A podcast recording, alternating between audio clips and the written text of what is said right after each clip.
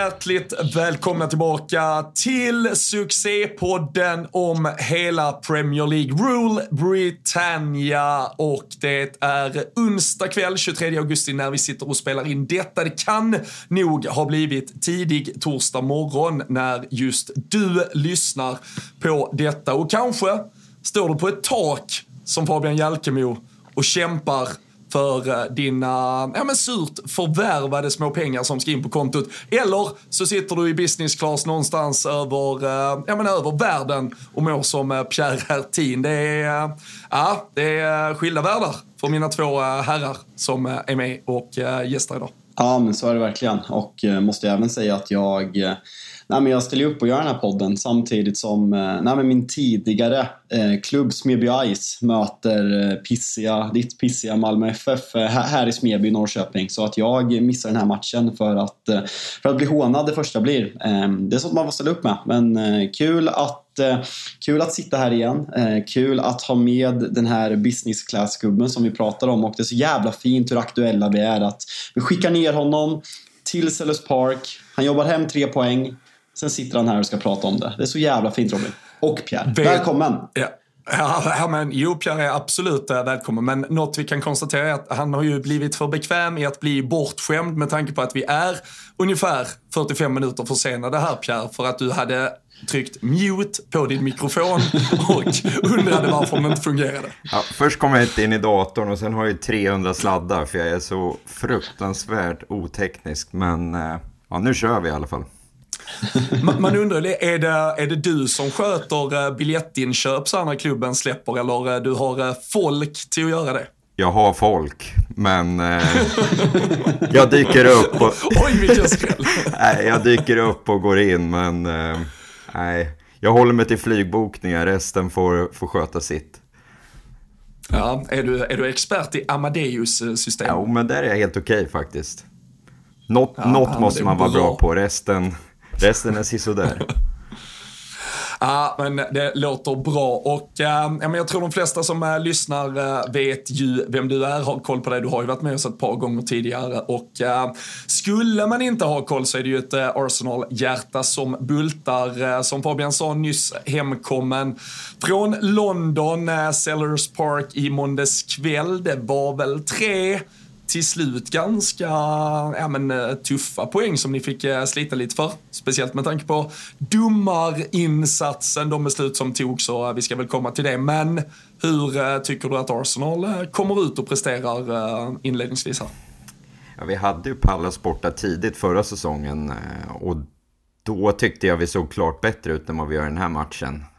Och både den här och Forest-matchen ser ju lite krampaktig ut. Eh, men det beror väl på hur man ser det. Komma ut ifrån Sellers Park med tre poäng och ha spelat lite halvdant måste kanske också ses som ett eh, styrkebesked. Eh, men självklart en del frågetecken. Eh, kanske framförallt offensivt, för vi har en hel del boll i den här matchen och borde kanske skapa mer lägen för att avgöra matchen tidigare. Eh, och vi borde, borde ha gjort mål även innan straffen kom, men eh, överlag är det klart man måste vara nöjd och spela, ja, det blir över halvtimme med en man mindre eh, och med det trycket de har på hemmaplan så är starkt att vi kommer ut med tre poäng ändå. Men om, du, om vi försöker liksom fördjupa den frågeställningen lite mer säsongsinledning då det kändes ändå som att ja, men förra säsongens alltså megasuccé, man, man får de perfekta värvningarna i Declan Rice, en spelare som man har hungrat efter länge nu. Timber går ju tyvärr sönder, men sen så ska Kai Havertz komma in och man ska slussa in honom i laget och Arsenal kändes väl ändå när man gick in i den här säsongen kanske som ja, men det mest färdiga laget tillsammans med Manchester City, även om City snarare har nedgraderat om man kollar på pappret så känns ni liksom som det. Ni hade er succélag från förra året, ni, liksom, ni putsade med, med två ja, med stora värvningar som är handplockade av Mikael Arteta som har haft väldigt stora framgångar i sina värvningar. Är du, är du besviken eller orolig eh, för hur det har sett ut de första, de första två matcherna? Även om ni, liksom, ni har tagit två uddamålssegrar och som du säger, Sellers Park är en jävligt tuff arena att komma iväg med, med tre poäng. Men om vi bara ser till spelet, är du något orolig över att det inte ser bättre ut? Om, om det här är det laget som Ateta vill ska spela, för jag tror jag är inte ensam om att vara förvånad över att Gabriel inte har startat båda matcherna. Eh, Party ska hitta någon ny roll som högerback i försvar och går in som någon defensiv sittande mittfältare offensivt. Eh, jag vet inte om det är det som gör att det är lite knackigt, eh, men som sagt, är det här laget som ska starta och vara första? Eh, för sen kommer vi in i Europaspel och det ska roteras lite mer. Eh, att det redan ser lite knackigt ut gör mig lite oroande. För sen om du får det här att funka och sen ska blanda in rotationer i Europaspel, eh, då kanske det blir eh, en gryta som är svår att hantera för vissa spelare. Men samtidigt, nu startar Enketia efter att eh, Jesus har gått eh, skadad. Startade ju första med och gjorde mål, men han har ett läge där han eh, självklart ska göra mål i den här matchen. Eh, och det ställer ju vissa frågor återigen eh, om vem som ska göra våra mål. Eh, men eh, ja, jag har ju varit inne på, just du nämner Havertz, jag har ju varit inne på att eh, den positionen ifrågasätter jag. Jag tycker han ser fortsatt vilsen ut i, i vårt spelsystem. Jag tycker vi, vi, ska, vi ska spara Havertz, det blir eh, lite eh, egen, eh, e-, egen tid kring det. Men, men just som du är inne på, alltså valet av startuppställning. För nu är det ju, det, det är Timber out och så tar man in Tomiyasu istället. Annars har han ju valt, hade han kunnat hade han antagligen uppenbarligen valt samma startuppställning de här två matcherna. Så han har ju sett och tänkt hur han vill att det här Arsenal ska spela den här säsongen. Men är det inte väldigt, jag tycker i alla fall utifrån, med tanke på hur bra Ben White, Gabriel och Saliba faktiskt fungerade och Ben White i så fall till höger. Hade det inte varit mer rimligt kanske i väntan på att Sinchenko är helt up and running, att Partey utgick från den där vänsterbackspositionen och driftade upp på ett centralt mittfält istället så att du kunde behållit alltså, tre fjärdedelar av backlinjen intakt från i fjol. För det känns som att nu, nu gör Saliba en otrolig match, men det är ju kanske mer på hans individuella styrkor. Det känns annars som att egentligen det ramstarka försvaret också har blivit lite sämre av alla de här förändringarna som gjorts. Jo, framförallt. Och kollar vi slutet av förra säsongen så var ju mycket diskussion att när Gabriel får spela utan Saliba så är det, överväger det mer. Saliba klarar sig mer på egen hand för att han, han är den som gör hela backlinjen bra. Eh, men jag trodde verkligen att, att han skulle sätta över, ja, om Party ska vara i en backlinje, sätta över honom på vänster nu och få in Gabriel. Eh, ska det krävas nu, eh, Tomiyasu ska, får vi se om Sinchenko är redo för att starta, men eh, ska det krävas ytterligare skador eller avstängningar bara för att få in Gabriel igen i startelvan så självklart ställer det lite frågor hur han ser på honom. Eh, det har ju varit lite transferrykten där och så, men verkar, verkar inte som att han ska bort. Men eh, nej, jag tror, det verkar ju som att många ställer samma fråga eh, och det är nog bara Teta som sitter på svaret. Han verkar inte vilja svara i tv-intervjuer på det heller. Det är inga, inget han släpper direkt. Nej, alltså känslan är, nu är jag såklart väldigt irriterad på Arteta eftersom jag sitter på Gabriel i fantasy, men eh, känslan är ju verkligen om man kollar utifrån att, nej, att det har, jag ska inte säga att det har spruckit, liksom så här brustit liksom relationen, men just att Nej, men att man spelar med Tomiyasu som alltid har varit en bänkspelare sen han kom. Han har varit mycket skadad ska sägas. Partey liksom aldrig varit ytterback i sitt liv vad jag vet. Att han liksom bänkar Gabriel som spelade i stort sett varenda match från ingenstans. Och sen så tycker jag att Ben White, man har ofta sagt, eller jag har ofta sagt att Arsenal behöver en ny högerback för Ben White är mittback. Men hans Alltså Arsenals hela system förra året när Sinchenko var offensiv och klev in på det centrala mittfältet och eh, Ben Whites spel på högerkanten som gjorde att Saka, alltså deras samarbete på högerkanten var helt fenomenalt och att Saka får mer frihet defensivt för att han har Ben White som är så starkt defensivt som även kommer att överlappa. Jag tycker att det är konstigt att man frångår det här. Sen eh, som, som, som sagt, det känns eh, som vi har pratat nu i 8-9 minuter och bara varit negativa. Vi ska såklart vara positiva också för Arsenal har, ja, men, kanske inte imponerat som man hade trott sig men ändå så har man sex poäng och det är det som, liksom, det, är det som är viktigt för topplag som i slutet vinner ligan. Att man, man, man kan ha dåliga perioder men att man vinner och det här Arsenal inte har haft om vi kollar de senaste tio åren som man klev upp och började kanske förra året framförallt. Nej, och det är väl kanske den lärdomen också man drar av förra säsongen med så stora eller höga toppar under så långa stunder av säsongen. Men sen när du, när du inte tar den där sista grisiga jävla trepoängen, då är ju, då är ju 5-0 och klang och jubelföreställningarna vatten värda egentligen. Så det, det är väl lite som du är inne på, tittar vi redan nu i tabellen så det är ju inte så jävla många lag som har tagit två segrar, det är väl en fyra, fem stycken liksom. Och eh, att, att ni gör det, även om spelet hackar, måste ju vara något man ändå finner lite styr. Och ni har ju, ska också sägas, ett ganska så snällt spelschema här för att kunna trumma igång det. Han kan ju få lite tid kanske att bygga det och så handlar det om att bara ta de där tre poängarna tills dess att allt sitter 100%. Jo, och om jag kommer tillbaka till den här trepoängaren. Eh, jag läste, jag har inte dubbelkollat om den statistiken stämmer, men att det bara var vi och City som eh, vann på Sellers Park förra säsongen. Eh, så det är ju som sagt Eh, kan mycket väl vara så. Eh, ett tufft ställe att åka till och då spela sista halvtimmen med en man mindre. Eh, och jag, jag, jag har också tittat på spelschemat och tänker att det här var det tuffaste, speciellt ja, men innan landslagsuppehållet och ja, då har vi United hemma. ett riktigt jävla rövgäng efter landslagsuppehållet också. det är väl helgen innan va? Om du snackar om ditt egna gäng. Ja, det är det ja. Mm. Men du Stämmer. kanske önskar att det var längre bort? Ja, verkligen.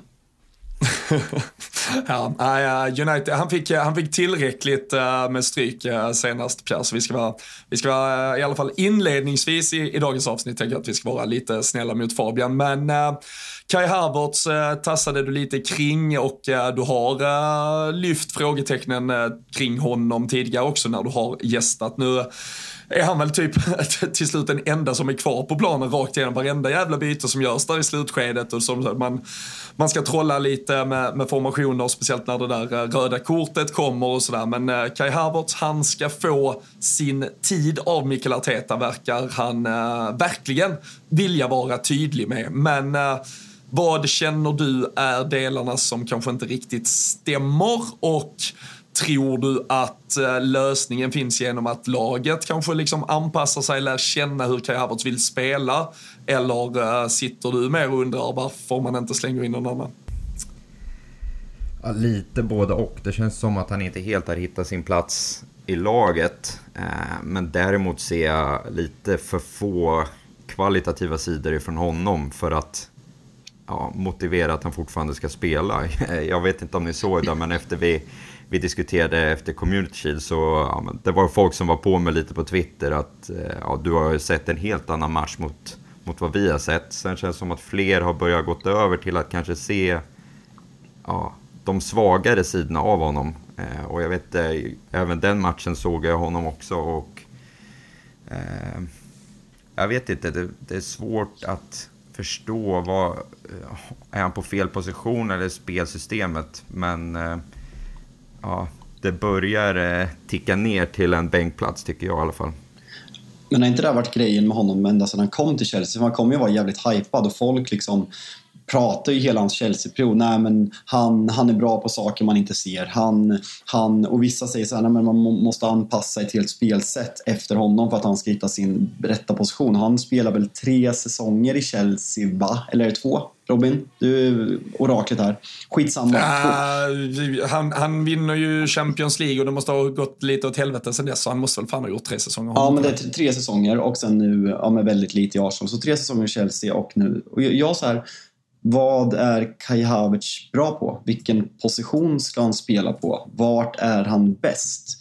Jag har sett honom tillräckligt mycket. Jag, jag har nog inte sett en enda spelare i hela mitt liv som jag har så lite grepp på. Och att sen vill man ju tro, alltså så här, jag har ett jävla förtroende, eller har fått ett väldigt stort förtroende för vad Arteta har gjort på transfermarknaden och vad han tänker med sina spelare. Så en sån som Arteta som kan så mycket fotboll måste ju ha ja, men en väldigt utstuderad tanke med vad han vill med Kai Havertz när han värvar honom. Men att man efter ja, men de försäsongsmatcherna jag har sett av Arsenal, är väl inte jättemycket om jag ska vara helt ärlig, men det kommer ju inte kilo sen de här två ligamatcherna så, så är det precis samma Kai Havertz som springer omkring i Chelsea och man vet inte riktigt vad han är bra på. Och det är det som gör mig så undrande. Och jag, jag får inget grepp på honom.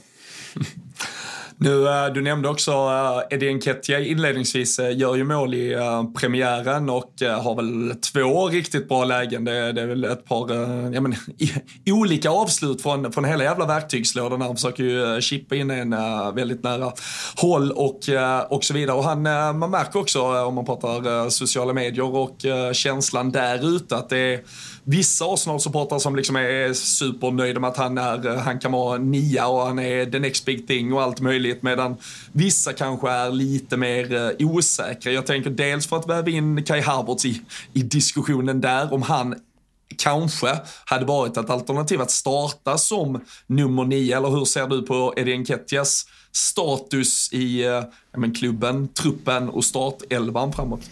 Jag måste ändå säga att jag, jag tycker han har gjort framsteg mot mot förra säsongen. Sen så kanske det är just poängen som avsaknas. Jag tycker att man kan dra lite paralleller mellan honom och Alexander Isak i spelstilen. Eh, hur, hur de rör sig och hur med boll. För jag tycker ändå han, han gör det väldigt bra i den här matchen till sättet han kommer till lägen. Men sen, ja, kanske lite, ja, just den där när han chippar över ribban. Det känns som att Jesus kanske hade varit den som har dragit chippen, men det känns som att Kettia tidigare har varit mer den som bombar på. Eh, men då hade jag varit mer sett att han bombar den här över, men ja. Jämföra med Havertz så, så vill jag fortfarande absolut behålla honom kvar i startelvan. Eh, sen så återstår ju att se. Skulle det vara att vi gick in i Champions League redan nu, eh, då har vi inte mycket att rotera där med. Eh, om du inte ändrar spelsystemet och ska spela utan en nia. Men eh, jag, med de alternativ vi har just nu så, så tycker jag absolut att han ska fortsätta spela. Eh, men eh, det är som man kanske har sagt gällande poäng i tabellen och insatser redan nu. Det är två matcher in. Man får ta även spelarnas insatser med lite nypa salt än så länge.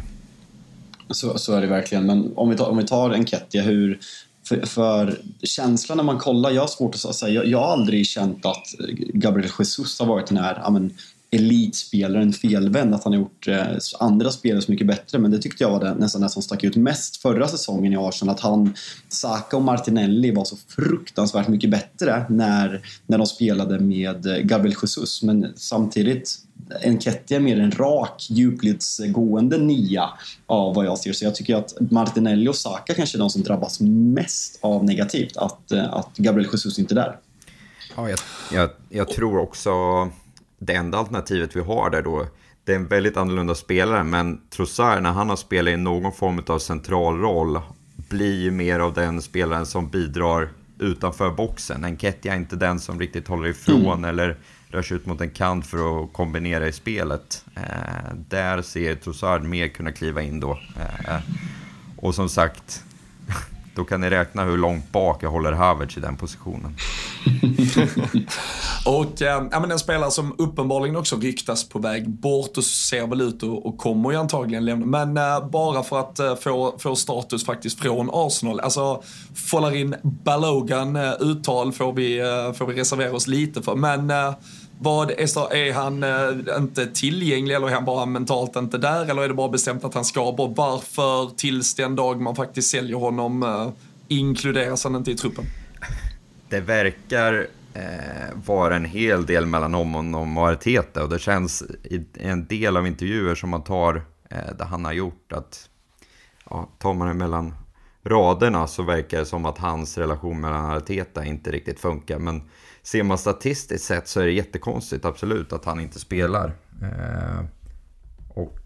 Är det något som ska ha skurit sig sedan han kom tillbaka från det här låneuppehållet då? Eller ska det redan innan ha varit att ja, men vår, vår, min tid här så länge du är här är död? Typ, ja, men det känns, för innan han gick på lån så han hade en del insatser i U23 där han bara bombade in mål. Eh, och redan där, och han spelade någon ligacupmatch, så känns det som att han mer gått ut och sagt att jag, jag borde spela. Eh, sen så är det väl saker som händer bakom stängda dörrar som jag inte riktigt vet. Men eh, han känns ju mer som en liknande speltyp eh, till Jesus eh, mot vad vi har någon annan i truppen.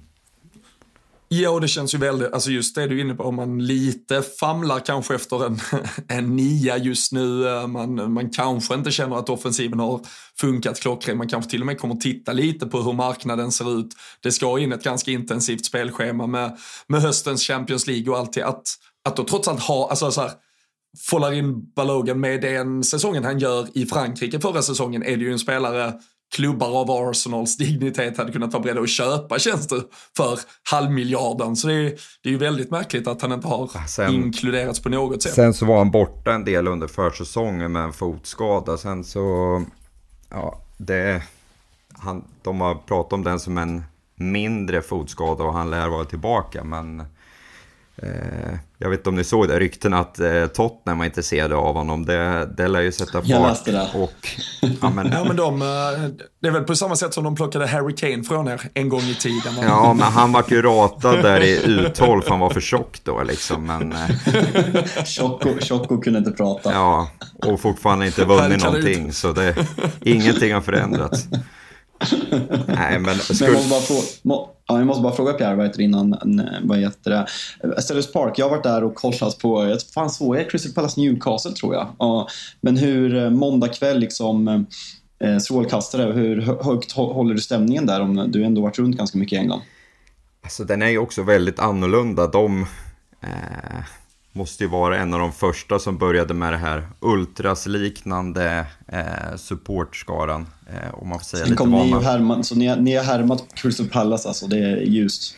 Ja, jag är inte helt positiv till våran version av det där jippot, men eh, för jag tycker liksom och det är många engelsmän som också säger det, att man ska lite hålla till vad traditionerna är. Och kolla Crystal Palace historiskt, de, det är inte så att de hade bengaler och trummor om du går 20-30 år tillbaka. Liksom. Men absolut, jag tyckte det var grymt drag i, i måndags. Så de har flyttat sin ultrasektion mer centralt på den kortsidan. Känns som att, ja, visst, nu var det hemmapremiär för dem och fint väder och allt liksom. Så det, det är klart skulle vara drag. Men eh, som jag sa också, bara en man mindre där sista 30 och när de kände att de fick tryck. Det, det är absolut en av de bättre i Premier League, det, det kan jag inte säga något emot. Men... Fan vad sugen jag blir på att åka nu alltså. Mm. Men eh, sen så ligger ja, den... En, en liten London-helg och klämma ett par, eh, tre, fyra matcher. Den ligger väl eh, på tapeten i höst känns det. Ja, den, är inte, den är inte helt optimal dock. Det är svårt att säga egentligen. Det är London. Det är nästan som att du ska börja säga ja, jag vet inte vad. Men eh, den ligger väldigt off ifrån stan, Sellers Park. Det är ju tunnelbana, sen ska du byta som tåg. Du, som du inte vågade börja bråka med Stockholms kranskommuner när de skulle ja, såga någon liten förort i Stockholm. Ja, men det är som att säga att AIK är Stockholm liksom. Det är ju, det är ju en egen förort. ja, fast det, det stämmer väl i och för sig de själva in på också kanske utan att jag har full koll. Så, ja, ja, ja okej. Okay. Jag köper. det... Jag var i Watford, jag var i Watford för två säsonger sedan. Den är fan inte heller rolig. Det är en bra jävla bit alltså. Fast sjukast av allt är ju när man landar på Luton Airport och det påstås att det är London. Då är, då är fyra timmar till London ny, från Luton. Nyköping är Stockholm enligt Ryanair, så det, det finns, det finns värre. Nej, fy fan, fy fan. Ja, nej, en, eh, en härlig måndagkväll hade du. Seger blev det. Fulham, eh, vi nämnde ett lätta spelschema Fulham som kanske har sett ja, men sopigast ut av alla lag så här långt. Eh, då, då ska det väl kanske kunna lossna lite till helgen, eller vad tror du? Ja, jag vet inte, samtidigt är väl, hoppas väl de på att lite saker ska lossna med. De var ju väldigt fina under förra säsongen och jag tror många hade dem, eh, inklusive jag. Jag tror att jag hade dem på övre halvan i mitt tips inför säsongen. Så, eh, men visst, hemmaplan ska ju vara någonting annat så det är klart man eh, inte räknar något annat än tre poäng som godkänt. Jag läste att äh, de kikar på äh, Dominic Solanki som äh, ersättare till Mitrovic. Alltså, vad, är det för en värld vi lever i? Det ryktas att Solanki ska gå alltså för 40 miljoner pund och dragkamp mellan West Ham och Fulham. Det skulle ge 4 miljoner pund tydligen på kontot till Liverpool för någon vidareförsäljningsklausul. Men Går Solanki 40 miljoner? Ja, men då, då skjuter du själv i huvudet. Nej, men, då, det, nej, men det, det är värre än allt. Alltså allt. Allt. Det är värre än Saudi. Ja, Allt. Men när West Ham är med ja, i affärerna så vet de ju att de har pengar efter en viss affär. Så. Ja, nej, men det, det är ja, verkligen så. Det är, som, så det. det är som Liverpool också, när man budar på spelare man inte vet vill komma till klubben. Då, då blottar man sig, så är det Robin. Ja, ja, men eh, så länge vi har eh, folket i eh, styrelserummen med oss så att de kan låta avstängningar passera och lite annat så, så är det lugnt. Då klarar vi oss ändå. Mm. Det ska vi komma till. Men, äh, men fan vad kul att äh, få lite lägesrapport äh, både från äh, Selhurst Park och äh, Arsenal. Äh, något avslutningsvis Fabian innan vi släpper Pierre vidare i världen? Nej, men bara om du är hemma och eh, ser matchen mot United den 3 september så, så bokar vi poddtid 20.00 så ska vi få lite blod där efter matchen. Ja, jag har inte min kalender i huvudet, men jag vet att jag inte är på plats. så, så det kan vi göra. Men... Det är, dubbla, det är, dubbla, det är dubbla, dubbla matcher. United, Arsenal och IFK Norrköping, Djurgården samtidigt. Ja, så uh, kan bli riktig, riktig box mellan dig och mig där efter, efter matcherna. Ja, jag är mer säker på den ena än den andra där faktiskt. Men eh, ja, med tanke på nu hur jag snackar upp oss så kan jag bara få käka upp allting mer än att sitta och vara nöjd. Um, vi, vi, ringer dig efter att uh, Dominic Solanke har rullat in 1-0 på Emirates på lördag istället. Vi, uh, vi, vi ser hur det går. Men nej, uh, stort tack för att uh, du var med oss Pierre. Vi, vi skickar dig vidare i världen och alla andra är bara kvar så ska vi fortsätta snacka hela underbara Premier League. Ja, men en uh, såklart uh, glad eh, Pierre över sex poäng, men uh, nog fan kunde vi både se, eftersom vi hade honom uh, framför oss Fabian, men höra på honom att man som Arsenal-supporter inte är man är ju inte eld och lågor över säsongsinledningen i alla fall. Nej, men samtidigt kollar man på alltså, Premier League och liksom, kanske framförallt de, de tippade topplagen så är det väl liksom City har tagit Alltså, alltså första 3-0 bortaplan mot nykomling, klart imponerande. Och sen sätter man väl ner foten lite mot Newcastle, även om den inte är så här 5 plus imponerande. Men kollar man på ditt Liverpool finns mycket frågetecken om defensiven. Kollar man på mitt United så finns det väldigt mycket frågetecken. Chelsea, mm, frågetecken efter West Ham. Så det är inget lag förutom Brighton och Brentford som egentligen är så här, bara, jävlar, två riktigt bra matcher. Så eh, jag, eh, det är som jag sa, det är starkt att ta de här två, tre poängarna, att man landar på sex poäng trots att man inte imponerar. Men vi måste ju nämna schemat. Det gjorde du, det gjorde du fint, måste vi ändå säga. Ja, nej men det... Fan, de fick ju en jävla räkmacka till start förra säsongen också. En jävla copy-paste-jobb eh, från eh, förbundet här. Eh, eller någonting, för det ser ganska enkelt ut för dem nu också kommande veckor. Men vi, vi får se vart säsongen tar vägen för Arsenal. Vi ska som vanligt i vårt mitt i veckan-avsnitt, brukar komma ut här onsdag, torsdag, också ta en liten svensk koll. ska vi kanske ge ordet till Marcus Tapper här en liten stund och höra vad fan svenskarna hade för sig i helgen. Den här veckan är Svenskkollen i Premier League lite mer som man tänker att eh, den ska vara, får man säga, än förra. Yasin Ayari har lämnat oss, eh, blivit utlånad från Brighton till Coventry. Tack för en fin säsong. Hjalmar Ekdal och eh, hans Burnley fick en uppskjuten match. Robin Olsen fick faktiskt sitta på bänken för Aston Villa ändå. Eh, kul. Emil Kraft är ju fortsatt borta. Victor Nilsson Lindelöf var bänkad i Manchester United. Elanga fick ett inhopp i 20 minuter när Nottingham Forest vann mot Sheffield United, dock, och var faktiskt helt okej, okay, ska jag säga. Alexander Isak helt osynlig när de förlorade mot Manchester City och sist ut Dejan Kulusevski som fick 88 minuter och var ganska bra mot Manchester United. Go Sverige! Vi gör eh, detta avsnitt eh, i samarbete med Telia och eh, det vi gillar med Telia Fabian, det är ju att man kan samla alla sporter på ett ställe och då menar vi verkligen alla hur eh, smart är inte det? Ja, i höst kan man alltså exempelvis kolla när Premier League och Champions League drar igång, samtidigt som man kan följa slutspurten i Allsvenskan och gruppspelet i SHL. Med den grymma Telia Play-appen kan man dessutom se alla sporter, matcher live eller i efterhand om det blivit någon krock eller om man har varit iväg på något annat äventyr medan matcherna gick live. Om man vill, varför man eh, nu skulle vilja det, eh, ta en liten, liten paus från all sport kan man såklart även plöja igenom hela det enorma utbudet av filmer och serier som finns på Viaplay och TV4 Play genom Telia. Dessutom så kan man, håll i hatten här nu, även lägga till allt från HBO Max helt utan extra kostnad. Otroligt. Och då sitter folket där hemma och tänker hur saftig den här notan blir. Nej, men alltså det kostar ju bara 649 kronor i månaden, vilket gör att man alltså sparar över 500 kronor jämfört med om man köper alla de här tjänsterna separat. Nej, men det är eh, total succé och eh, ja, men samla sporten smartare, spara massa pengar. Det är Telia det, så stort tack till Telia. Nej, men det lät ju nästan som att han summerade livet för, uh, ja, är, är det svenskar eller är det Manchester United-spelare? För deppigt var det i alla fall. Ja, men jag, jag är framförallt eh, nej, glad för Robin Olsens skull som tog plats från, han gick ju från läktaren till bänken i alla fall. Så det, det är ju ja, men en hundraprocentig förbättring får vi ändå lov att säga. Så vi kan väl tänka ja, positivt. Ja men fan vad man vet att Robin Olsen egentligen är asbesviken med det. Han har haft det skitgött på läktaren.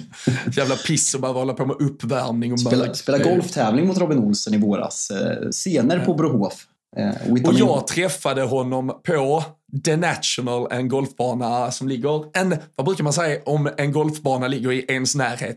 En drive bort från där jag bor. uh, då satt han och uh, unnade sig en uh, lunch och ett par öl efter en golfrunda. Så det, det verkar väl vara det han gör, spelar golf och fan Birmingham, det kan väl finnas ett par rätt schyssta banor i, uh, i, i Birmingham med omnejd. Inom en drives avstånd från Birmingham. Precis, jag såg Aston Villa, på tal om det, de är ju i Edinburgh just nu och äh, ja, kvalspelare till, eh, till conference. Äh, och äh, det är på tal om golfplatser man gärna besöker. Men äh, stökigt kan vi tänka oss att äh, Aston Villa-fansen har det uppe ja. i Edinburgh. Alltså två, två tankar. Alltså, dels jävligt stökigt, liksom, tåget upp till Edinburgh. Liksom, det, det är nog ganska hög promille på det här tåget. Men även lite, lite deppigt att man har väntat på den här Europaplatsen och få åka till Skottland. Det, det, är inte så jävla kul. Sen är de, de är ju liksom framme så att om man torskar den här matchen så är det fortfarande Conference League-gruppspel. Så man, eh, det kommer bli gruppspel så man kommer få åka på mer matcher ändå. Så det, det är fint för dem. Ja, och sen så ska vi ju inte överskatta alltså, britters intresse Eller för är det, att det är bli... conference, det är conference-kval va? Är... Ja, men precis. Ja, exakt. Ja. Alltså, det är jag som är fel men, eh, men, det vill, men, eh, men däremot så, eh, nej men britters, eh, som du är inne på, alltså jag, jag hör ju dig tänka fullt eh, logiskt här att man kanske både som svensk supporter till ett svenskt lag, alltså så här, man tänker var hade det varit fett att få resa någonstans? Alltså så här, jag vill se mitt lag spela i, eh, men, i Florens mot Fiorentina, jag vill upptäcka någon häftig stad, någon härlig stad. Du vet ju att engelsmännen är asnöjda med att de bara sätter sig på tåget, super ner sig, åker till liksom samma jävla... Det, ser ut, det där torget ser exakt likadant ut som ett torg i Birmingham.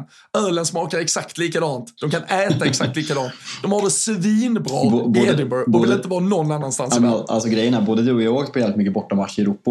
Det enda man vet är att den lokala irländska puben, det är där alla samlas. Så är det varje ja. gång. Alltså jag har varit i, alltså jag har varit i San Sebastian, liksom den den stjärntätaste per capita restaurangstaden i hela världen, tror jag.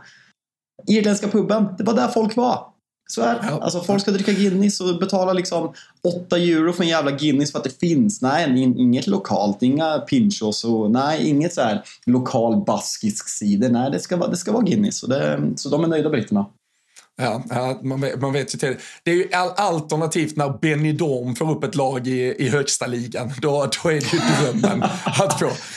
Det var ju vi när, när Liverpool spelade mot uh, Villarreal i Champions League-semifinal här för uh, ett och ett halvt år sedan. Då är både Villarreal, det är ju en mindre men jävligt mysig stad. Och sen så har du Valencia väldigt nära som också är en fantastisk stad.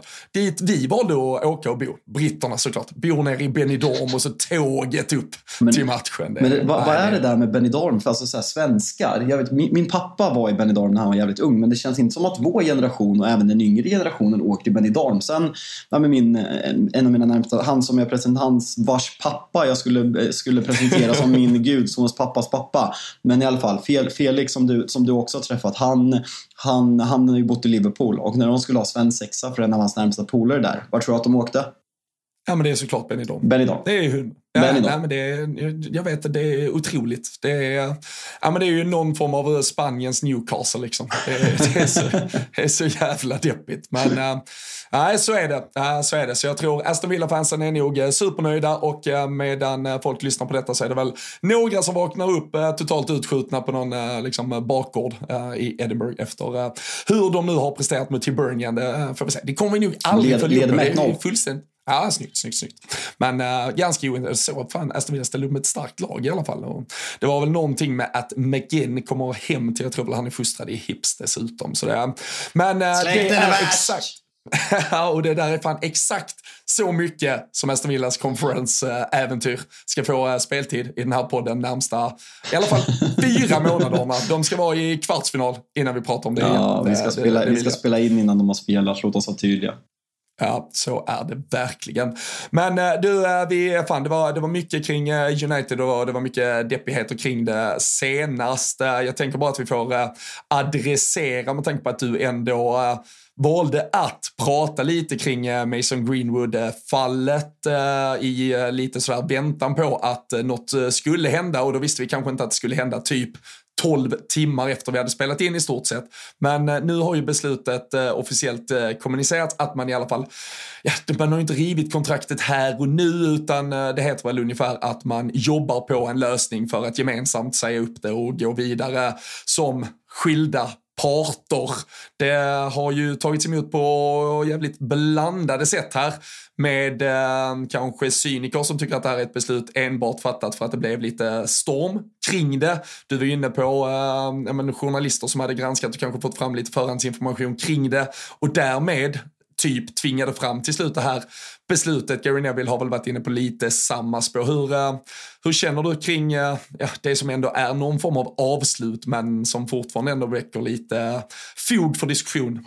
Alltså, alltså att, det är, att jag inte är förvånad att det är i stort sett hur Manchester United har skött sen, sen Glazers tog över klubben. Att det liksom sminkades över under Fergusons sista åtta år, men de senaste tio åren. Att det har liksom varit långsamma beslut och att man ofta tar fel beslut. Man kommunicerar på fel sätt, man lyssnar inte på fansen. Känslan här är att Joel Glazer har gett Richard Arnold uppdrag att på bästa sätt få Mason Greenwood att, spela, att få spela fotboll igen för Manchester United. Och eh, när den här backlashen kom så kände man nog att det finns ingen återvändo ändå, men att det skulle ta så lång tid att man ska sätta sig i den här positionen. Och sen likt Superligan så är jag väldigt ja, men så stolt över att vi, vi lyssnade på Erik Nivas eh, avsnitt från When We Were Kings om 51%-regeln idag. Och många pratade, där, där säger han liksom att passionen är inte det som skiljer om vi tar svenska och engelska supportrar åt varandra utan det är snarare att de svenska har liksom tidigt organiserat sig och liksom ställt sig upp och liksom jobbat mot de här större krafterna som stora ägandeskap. Medan i England har man i stort sett varit chanslösa. Man vill ha passionen, man vill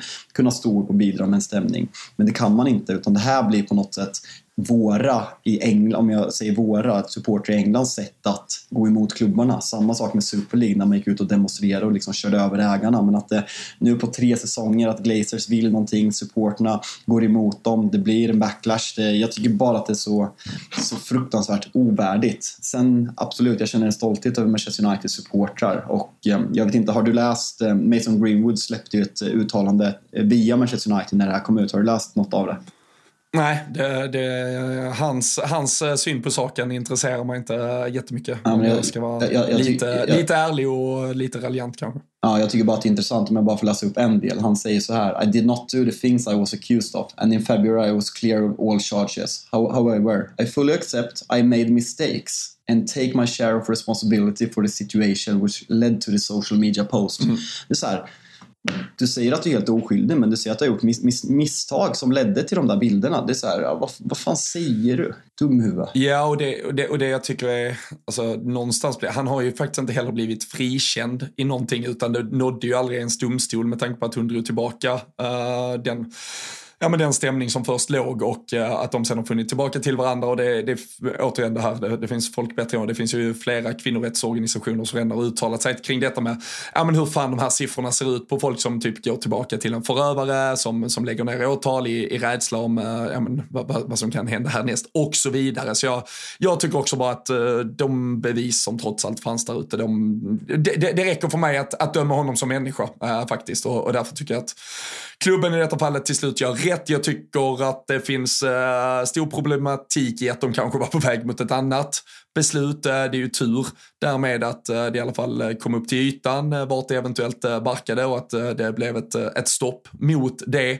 Och äh, men att det är väl den, den absolut bästa lösningen, även om det finns ekonomiska aspekter för Manchester United där de säkert hade velat se en annan lösning gå att få igenom. Men det här var väl oundvikligt och äh, svårt att se var Mason Greenwood spelar fotboll igen. Det kom ju direkt något Saudi-rykte och då placerade de honom bland annat i Steven Gerards äh, Al-Etifak och där gick ju Gerard då själv ut med någon skärmdump från Daily Mail äh, var det väl, äh, en av alla dessa äh, ruskigt pissiga jävla tabloider och äh, man bara drog fake news-stämpeln över hela. Så det, så, det blir så, just... Såg du den där tweeten när liksom Saudi var oroliga för att be befläcka sitt rykte om de skulle ta in Mason Greenwood? Känslan är väl att Ah, de, jag vet inte, styck, styckmord på nu ska vi inte jämföra saker, men styckmörda en journalist kan man väl tycka är lite värre va? Ja, nej, jag läste någon så jävla mörk eh, här för ett par dagar sedan också kring hur de eh, massavrättar folk på gränsen till Jemen och sådär. Vi, vi ska inte fastna i, eh, i Saudiarabiens eventuella moraliska skrupler för de är väldigt många och väldigt mycket värre än vad Mason Greenwood faktiskt har gjort. Men ja, man behöver väl inte kanske mäta graderna i helvetet utan det finns många som, som begår stora övertramp, stora fel Eh, grova brott rent av och eh, jag tror Manchester United ändå är, jag tror de kommer andas ut så snabbt som möjligt. De ändå, ja, vinkar farväl eh, på riktigt och inte behöver beblanda sig med hela fallet på, på, på lång tid framåt. Nej, och vi, vi kan väl avsluta det också bara så här, se det som att även om det tog lång tid att komma fram till det så blev det rätt och det är bara hoppas att Manchester United som har haft problem, det, eh, det går rykten på sociala medier att det finns en till spelare i Manchester United som kommer anklagas för något liknande. Det finns spelare som springer omkring i Arsenals tröja, det finns spelare som har sprungit fram i Tottenhams tröja. Att liksom klubbar börjar agera på rätt sätt i det här och liksom under utredning. Jag tycker inte, du ska inte spela fotboll och representera en klubb när det är under utredning utredning för sexuellt våld. Så enkelt är det. Men vi, vi stänger ner Mason Greenwood och eh, får förhoppningsvis aldrig mer återkomma till honom i Rule Britannia. Ja, och jag tycker, vi, som sagt, vi, vi lämnar Mason Greenwood, men jag tycker också det blir så avmärkt, för man ser ju direkt också då lagsympatisörer, eller så här att eh, beroende på ditt supporterskap så ska du kasta upp olika namn eh, som du nämner, de här ja men Arsenal-spelare, Tottenham-spelare och så vidare. Och så ska eh, fans typ gå in och försvara sig, ja men han är inte, alltså just använder de här korten, men han är inte det. Och så, nej men du måste väl ändå gå, bara gå till dig själv som support. Alltså gör det den, och nu, och nu fattar jag också hur mycket den personen, spelaren eventuellt bidrar sportsligt påverkar. Men det var ju som i Liverpool kom det ju rykten för ett par, eller det var inte rykten, kom till och med bevis på att John Flanagan pisspelare såklart. Men han hade liksom pucklat på sin tjej utanför en nattklubb. Alltså så här, jag skiter väl fullständigt i om han blir dömd eller inte. Jag, jag inser att det är en jävla idiot. Alltså jag vill inte ha med honom att göra. Jag vill att han ska väck från min klubb. Jag förstår inte att folk kan väga in supporterskap i det ens eller försöka försvara kring om man är dömd eller inte och hur mycket man därmed ska kosta och vad man ska göra. Alltså så här, ni vill väl inte ha människor som är usla jävla människor i er klubb? Alltså så fattar att det finns människor som inte är toppen, men alltså de här riktigt jävla usla människorna, skicka ut dem från era klubbar och stå bakom det oavsett om de kan göra ett mål eller två. Det, det borde inte vara så jävla svårt.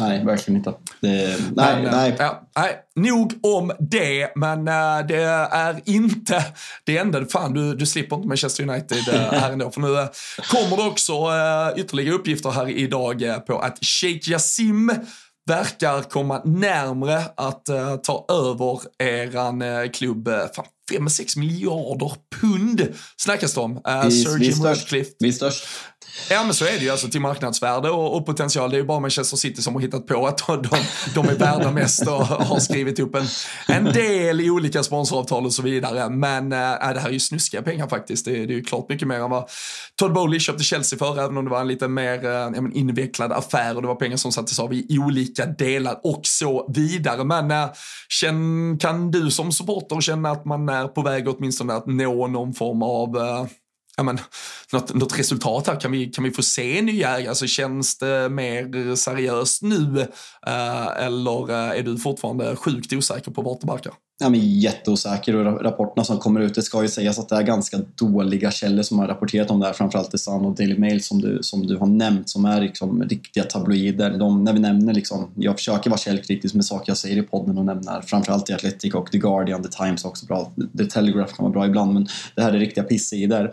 Eh, grejen är ju så här att det kändes verkligen som att första rapporterna var att Glazers verkligen ville sälja, men de har väl insett liksom hur att klubbens värde bara ökar. Hur mycket pengar de än dränerar och hur mycket skuld de lägger på klubben så ökar värdet.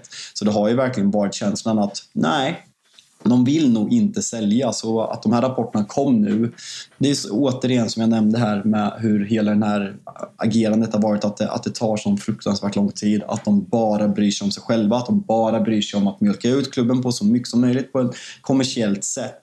Och det blir så jävla fel när, för när jag säger att vad som än alltså det enda jag vill är att få bort de där vidriga jävla ödlorna till ägare just nu. Och om alternativet är Qatar, då blir det indirekt att jag säger att jag vill ha Qatarska ägare. Det vill jag inte. Men just nu, jag, alltså jag, jag vill bara ha bort Glazer-familjen som ägare. Och det blir ju så här att jag vet att motståndssupportrar gör sig roliga över att protesterna är när United är dåliga och liksom, det är klart att de här två insatserna nu spelar in att man blir ännu mer irriterad. Eh, så är det, men eh, det har pågått så jävla länge nu och jag är så fruktansvärt trött på det. Ja, är det, är det dags för de eh, gröngula scarfarna mot uh, Nottingham? det var protest mot Wolverhampton. Nu vaknar vi Robin. Ja. Nej, ja. det såg jag, såg jag inte mycket, mycket av. Nej, det var man, bara protest man, mot man ser, man ser, man ser det man vill. Uh, vi, får väl, uh, vi får väl se. En, uh, en som uh, däremot inte lär komma ut till spel mot Nottingham, Mason Mount, lite skadebekymmer, ser ut att missa ett par veckor. Är det, som du hade sagt, blessing in the sky mm. att mm. Mason Mount inte kommer till spel och ni kanske kan få omformera det där mittfältet framåt? Ja, alltså, jag vet inte. Jag, jag var positiv till värvningen. Alltså, men, ja, men jag, jag, jag, jag, fan, jag är så, åh! Kan jag inte bara få vara glad fram till landslagsuppehållet eller? Alltså den här klubben förstör mitt liv. Jag tycker inte du har förtjänat att vara glad överhuvudtaget. Nej. Så jag förstår inte varför du ens önskar det. Nej, alltså jag vet att, jag, att min klubb förstörde din barndom. Men fan vad jag har fått smaka nu i tio år.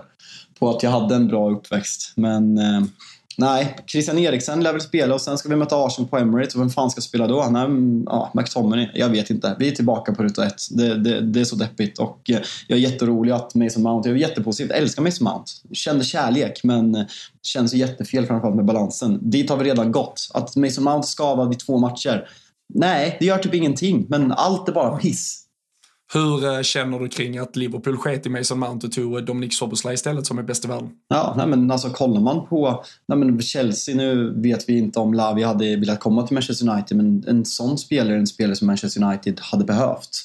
Det känns som att United har värvat Mason Mount för att Erik Ten Hag gillar Mason Mount som spelare och det vet vi att väldigt många tränare gillar Mason Mount som spelare, men när du har Bruno Fernandes som spelar i en position som Mason Mount alltid har spelat i, vad varför värva honom för 55 miljoner pund plus 10 miljoner pund i klausuler när, när, du har, när han har ett år kvar på kontraktet och han uppenbarligen vill komma till Manchester United?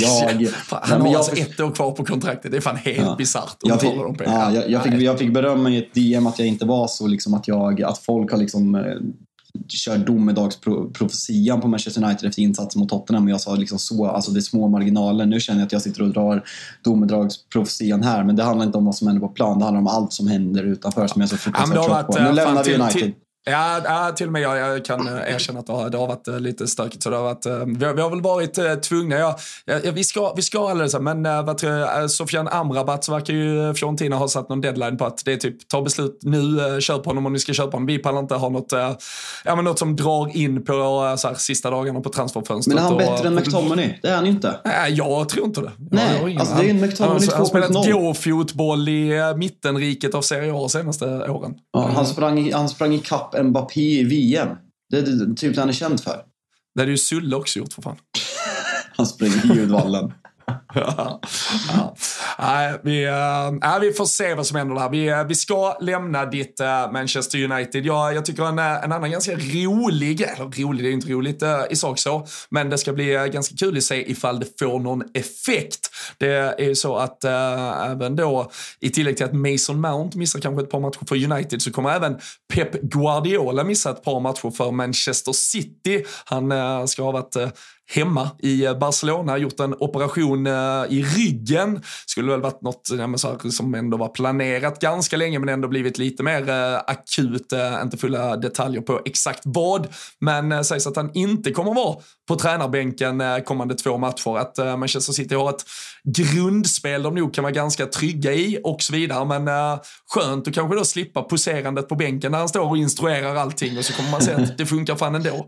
kommer komma en likadan som gestikulerar ännu mer för att han ska posera och visa att han är nya Pep. Men känslan är att han har Pep har kollat på, på spelschemat i år och sett så här. När har jag tre veckor som jag kan missa? Mm.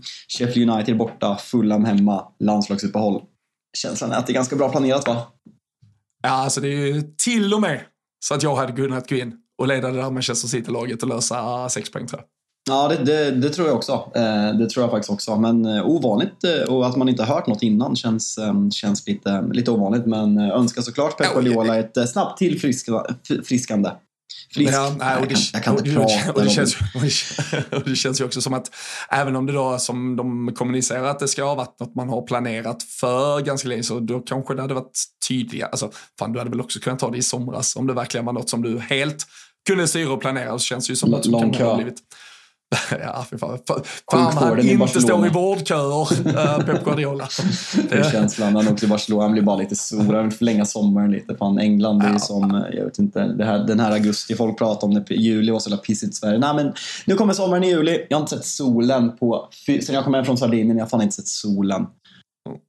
Och så eh, Pep eh, kan ju också varit, såg du att han fick parkeringsböter häromdagen i Manchester? Är det så? Cirkulerar något, ja, cirkulerar något klipp han hade stått på. Det är väl dubbla gula linjer som är någon form av eh, stopp, stoppmärke man inte får stanna vid. Det stod han, skulle väl in på någon restaurang och ta ett glas rött och, och käka en bättre, en bättre middag. Då pallar man ju inte flytta bilen. Verkligen inte. Ska vi, prata om, ska vi prata om det här korrupta eh, laget som Frölunda Domslut med, med sig? Eh, där solklara röda kort blir... Eh, där solklara röda kort blir upphävda. Ja. Vad, nej men, om, om vi ska ta det lite seriöst. Jag, jag skrev ju att jag verkligen inte tycker att det är ett rött kort. Men jag trodde ju heller inte att de skulle ta bort det. För det går att argumentera sett till regelboken att det är ett rött kort. Och man ser inte sådana... Där backar de domarna när de har chansen. Vad, vad, vad säger de där? Nej, jag tycker det är märkligt. Uh, alltså, jag, jag tycker ju inte ens det var Li, alltså, det, det kommer folk uh, lära sig uh, hur, hur jag resonerar kring det, mitt, uh, mitt eget lag. Alltså, man tycker ju att tror vi folk vet det Nej, nej, men vi är Liverpool, de, nej, men det är ju faktiskt lite tvärtom. För folk tycker att vi är dumma i huvudet och vi är partiska och vi ser bara vårt eget lag och vi är bäst i världen och alltid. Alltså när mi, mina spelare, när Liverpool-spelare ställer till det på något sätt. Alltså när de, och vi har pratat van Dijk och Trent och försvarsspel och så. Alltså när du ger domaren chansen att till exempel ge dig rött kort eller en straff emot eller, eller något utan då blir jag främst förbannad på egen spelare innan jag blir förbannad på någon domare. Jag tycker, jag tycker det är onödigt av Alexis att ens vara inne med foten på det sättet. Som, för precis som du säger, det går att... Alltså så här, det är väl ett, eh, om det finns eh, soft penalty så är detta ett super soft red. Och det är väl framförallt att du ser ah, av tio sådana situationer en helg så kommer nio domare i engelsk ligafotboll att fria för den typen av situation händer. Fast, och, visst är, förlåt att jag avbryter, men visst är grejen så här att jag, jag tycker verkligen, jag håller med dig att ja, men nio av tio tar den inte. Men när den går till VAR så tar nio av tio heller inte bort den.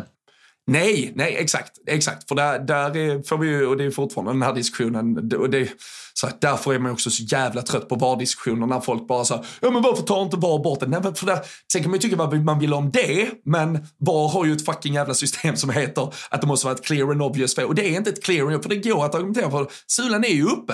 Den, den, den kommer fel, han kommer och det, för sent det är därför jag blir, Det är därför jag blir förvånad över att det upphävs. Sen är ju liksom så här, alltså, ska man, det, det är klart att det, det är rätt. Alltså, McAllister ska inte få få 30 minuters av, eh, att han missar 30 minuter. Liverpool eh, riskerar att förlora matchen och sen tre matcher ut, eh, utöver det. Så det blir ju rätt, men det känns ändå som att det är så okonsekvent dömande. För jag går att argumentera för att ett rött kort är rätt dömt så jag har aldrig sett att de tar bort det på det där sättet. Det är det, det, är det som, är, som sticker ut på, det, på just den här eh, bedömningen.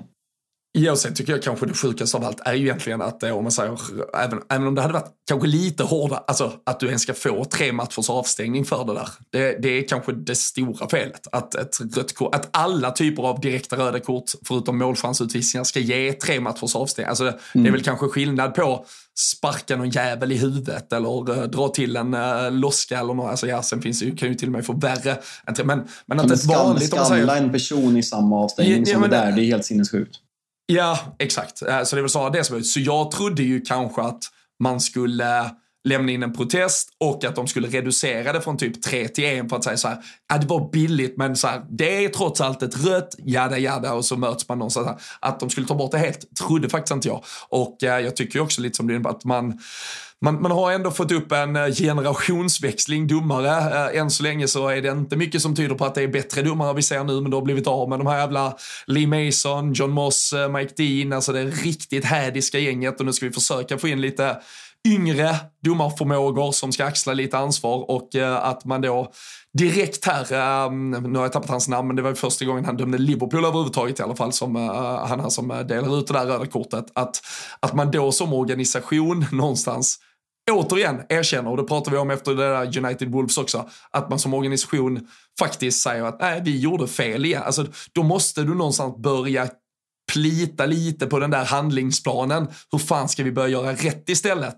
Och eh, sen, eh, ja, nej, det, det, det som hade varit det enklaste trots allt, det är ju att VAR inte går in och overturnar det, men att de säger att du fan gå till skärmen och kolla om du verkligen tycker det där är ett rött. Jag, jag, jag förstår, jag kan, jag kan backa dig, men gå ut och kika om du verkligen tycker det. Uh, mm. Så hade man gjort det enkelt för sig själv. Lite live, live-nyheter när man poddar är alltid trevligt och vi pratade om den där eh, fuskande klubben med 116 eh, utredelser med bäst eh, omsättning i hela fotbollsvärlden. Eh, Bernardo Silva, nytt ettårskontrakt. Ja, nej men det är väl, eh, det var väl, det kom väl rykten tidigare i, ja, i veckan, både han och Kyle Walker uh, verkar kanske inte få de där flyttarna. Det spekulerades i uh, under sommaren. Bernardo har ändå kämpat länge. ja, alltså man har ändå men, respe- men varför... visst, har man respekt för honom. Alltså, här, han, han, han gillar Manchester, han är välutbildad, liksom, rör sig i områden, träffar supportrar, liksom, känns som en jävligt likeable kille om jag får, om jag får säga Va? det. Ja, jag, jag, jag tycker verkligen det. Ja, men det är bara han för att han, är ju typ den vi hatar mest. Ja, men det är bara för att han inte applåderar på er jävla God of Honor. Det, det är därför jag gillar honom. Uh, han är en svag människa. Ja. Men, uh, nej, men alltså, det, och det, alltså där har de väl fått bara gå in och förklara för honom att uh, hej, alltså uh, Kevin De Bruyne är skadad, han missar hela hösten. Vi har tappat uh, Mares uh, på en position där du kan spela, Gündogan på, på en position där du kan spela. Det, det, är lite jävla osäkert här hur det kommer att se ut med truppen om en vecka. Du, du kommer inte bli såld, men uh, signa det här kontraktet få lite fetare med cash under den tiden du stannar här och sen så lovar vi dig nog att nästa sommar så kan du få pipa iväg. De har lovat honom tre år i rad eller någonting med känslan. Alltså så här, alternativet har ju varit ja, men nu tror jag men de, de alltså, demonterar ju och sen Barcelona. Alltså Barcelona har ju varit huvudspåret men Barcelona, det är liksom nu. Alonso kommer, kommer inte kunna registreras men han ska fortfarande starta. Alltså vad är det för verksamhet som, på, som pågår där i, i Katalonien egentligen? Det, det är otroligt. City håller på att värva lite också. Vad, vad, tror, vad tror du om dem? Som, ehm, som är ja, på nej, gång. Ja, men det är väl framförallt eh, Jeremy Doku, eh, belgaren, som, eh, fan, alltså, när, när fan var det, det, det utspridda EM-slutspelet han ändå spelade för Belgien, va? Och, och man kände att han var så jävla up and coming, jag vet eh, det snackades lite Liverpool på honom, så jag trodde faktiskt att han ändå hade hunnit bli något år äldre, men han är ju bara 21 pass fortfarande. Uh, och uh, ska väl vara den offensiva pusselbiten man har uh, riktat in sig på. Blir det en ersättare till va? Ja, det är ju mycket mer än, eh, precis som så, det är mycket mer än eh, en Mares ersättare än eh, något som kanske kan diktera bolltempo centralt och styra och ställa. Där, där får vi väl se ifall Lucas Paquetá var bara sett som någon lyxvärvning eller något som man verkligen kände att man behövde och ville ha någon som man vill kunna avlasta KDB med och för i så fall uh, när den affären nu har gått uh, i stöpet så ska man väl ut och titta på en till spelare, kanske offensivt, men uh, där känns det ju svårare på marknaden också att se vad de skulle plocka in som dessutom håller Manchester City kvalitet. Så att, alltså, en offensiv ytter kan du ju trots allt slussa. Du kan kasta in honom var tredje match. Alltså, Doku kommer säkert kunna växa in i den där City-kostymen, men ska du ha någon som ersätter KDB centralt så ska det ju vara en spelare som är alltså, bara marscherar in och tar taktpinnen direkt. De, de, David Ornstein skrev nu för fem timmar sedan att man exploring a deal på Wolves Mattias Nunes. Och, Ja, eh, Känslan är liksom att det kommer kosta. Alltså han gjorde, vi var inne på i det på våra införavsnitt, att han gjorde en väldigt stark eh, vår och liksom kom igång efter kanske en liten tuffare höst. Men Wolverhampton släppa en spelare med en vecka kvar i fönstret när man redan är tippad av många att åka ut, det, det har jag väldigt svårt att se. Att, Men- men- men de känns känns också- desperata eller? Ja, och jag menar alltså Matteus Nunes känns ju också mycket mer som om vi säger, typ en Kovacic, alltså lite så här Samma stora spelare bolltempo. ja. Exakt. Ja, från ett United lite kan värva honom.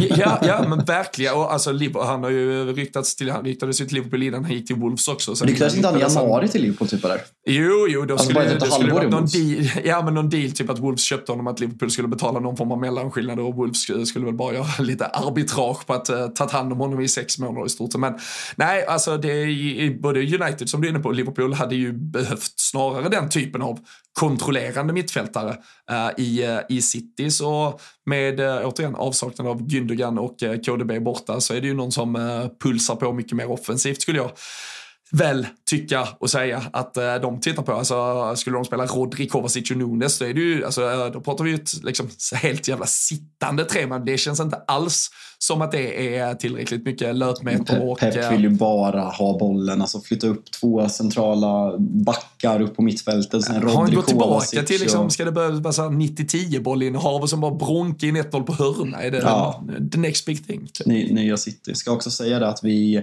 precis som vanligt, är sponsrade av ATG och eh, till helgen får ni kika in eh, tripplar, bland annat Big Nine från Toto-svenskan där Marcus Tapper är tillbaka efter en efterlängtad semester där formen inte har varit så bra men Tapper är som vanligt stekhet. Så kika in på atg.se tutto. Följ även Toto-svenskan på Twitter och Instagram så får ni se eh, spelen helt enkelt. Och glöm inte att ni måste vara 18 år fyllda för att spela och har ni problem med spel finns stödlinjen.se. Ja, äh, men så är det. Och eh, på lördag ska vi väl också verkligen flagga för att nu är Tutolive Weekend igång på riktigt. Smygstartade lite. Du och jag och Kalle Nilsson, vi, vi drog igång maskineriet eh, förra lördagen här och eh, då hade vi med oss en Thomas Wilbacher som eh, snusmumrik från Hamar i Norge. Stod han och körde när Sverige säkrade sitt VM-brons. Vi ringde ju upp Tapper, vi ringde Kücükaslan, vi ringde Gurra Karlsson. Det var, det var mycket fotbollssurr i ja men fan på, på olika nivåer och olika sätt. Och eh, på, på lördag så växlar vi upp. Då är eh, Don Wilbacher eh, tillbaka i studion, eh. Kristoffer Svanemar. Ja, ja, ja, exakt. Det är, det är ju superoklart, eh, men han kan Svanen, svanen är på plats. Svanen är på plats, eh, du och jag är på plats, eh, Kalle Nilsson rattar maskineriet, August Spångberg kanske också dyker upp det. Ja, men det kommer bli en ruskigt mysig lördag. Vill man, eh, vill man lyssna på avsnitten i efterhand ifall man inte kan kolla live på YouTube så finns de ju i samma flöde som Rule Britannia. Men annars är det YouTube varje lördag 11 till 13 och så är vi live och chatten den bara brinner och man får komma in och ja, men, äh, avlasta hjärtat lite inför att ens lag kanske ska in i någon het fight just eh, den där helgen. Så eh, vi har eh, plockat ner en god härlig timme, mycket Arsenal inledningsvis, fan misär i United. Vilka ni i det helgen? är inte annat än att man mår rätt så gött som Oh, Liverpool-supporter. just nu. Newcastle borta 17.30 och sen lilla podden direkt efter. Jag hoppas vi på en liten torsk och får lite känslor på söndag. Det kommer serveras i fall eh, det behövs, det, det lovar jag dig. Men nej, Liverpool tar den med 3-1, så hur lugnt som helst kan jag lova dig.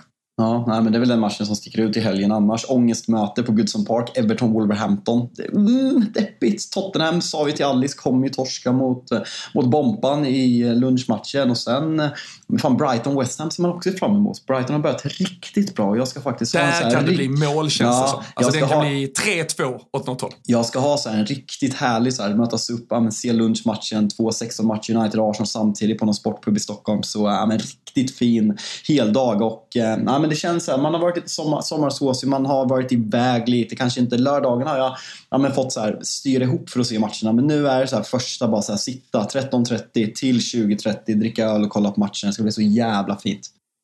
Ja, det känns som att uh, Wolves kanske kan få sig Vi hade väl ett, uh, ett långtidsspel borta på ATG som uh, blev att Wolves skulle ta exakt fem stycken 1-0-segrar. Eller minst fem stycken 1-0-segrar. Jag tror fan de tar första på Ev- lördag. Ev- Everton släpper inte bara in ett mål.